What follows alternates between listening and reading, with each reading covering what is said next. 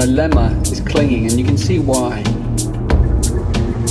Because we naturally cling to the structures around us when change comes.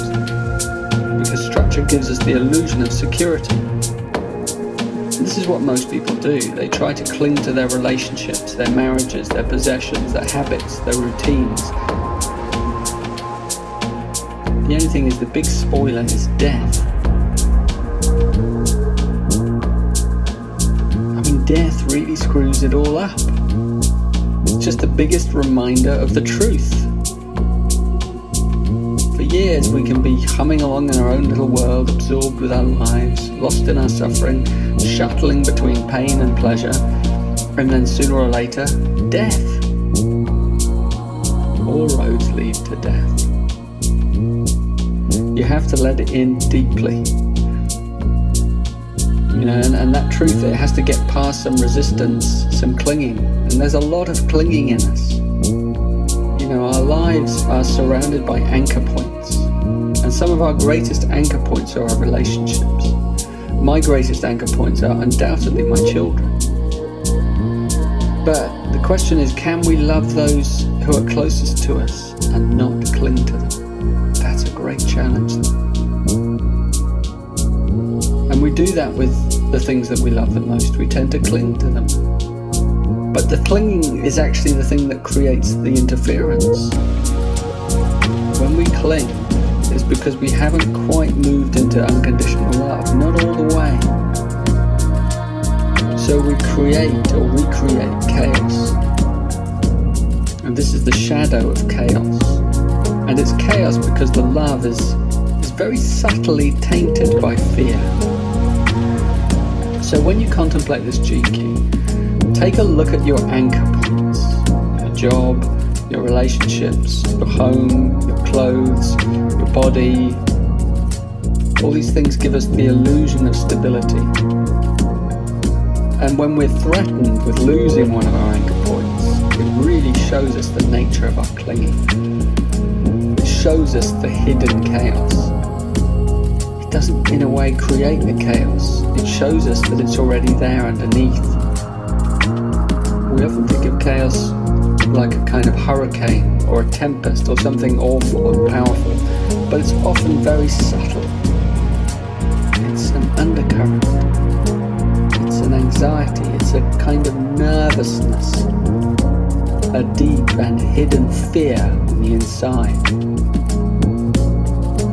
So just seeing your anchor points begins to change your relationship to the world around you, and you will begin to release them. You'll begin to pull up those anchors. And in the beginning, it won't feel safe. Not in the beginning. It's difficult. It's terrifying. You'll feel a deep discomfort in your stomach, in your belly. It's the chaos. It's the vibration of your attachment I mean, imagine yourself without any anchor points. Who are you then? What are you? Do you even have a name? You've got to let that go as well. What are you? That's the question of this gene key. And it cuts deep inside. We have to enter deeply into the chaos inside. We have to dig into those cellular memories, the false belief systems, the mind maps, the emotional fixations, the desires, and this grand illusion that we call the ego, the I. And you know something magical? Because there's a magic to this, and it's love. Just incomplete love. It's love that hasn't quite gone the whole way yet. So just love a little bit more, a little bit more deeply. Because love vaporizes the anchor points. Love, unconditional love, it dissolves them. It releases the clinging. And it emerges as you see the clinging. It's a two way street. As you feel the chaos, so you become aware of the love field emerging from behind it, from inside. You know, the third shadow wants to change the outer in order not to feel unsafe. Tries to create another anchor before the old one gives way. So look within, contact those places where the tremor of chaos comes to the fore, and cultivate this as a habit. It feels unpleasant, but after a while, more love grows as you root out the weeds. And remember, you needn't run away. Changing the circumstances on the outside isn't going to help, it will just be a distraction. So be courageous, uproot your fears. They're here right now inside you. And then you'll find a new life emerging, a new gift, a sense of spaciousness and laughter. And take heart, because the difficulty is only in the beginning. Most people, they never begin. Who willingly goes into chaos and discomfort? But you be the one who does. You be the valiant warrior.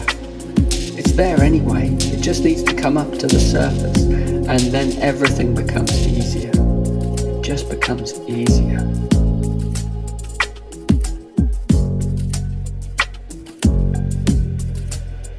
Innovation.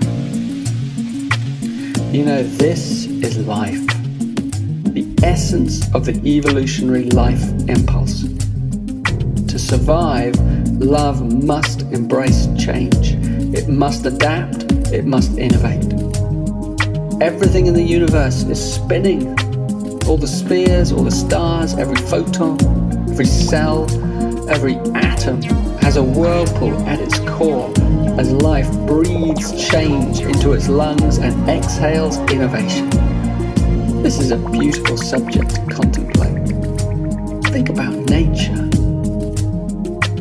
This is where innovation comes from. You know, out in my garden, if I cut down a small bush, then immediately something else starts growing there. Something adapts itself and springs up into that space. It's a kind of miracle. Life constantly needs to expand, to experiment, and then maybe make a breakthrough, or not. You know, a lot of innovations don't work. Think of all the innovations that fail. The very nature of innovation is to take the risk to keep on failing until it succeeds. Hence the passing through chaos phase.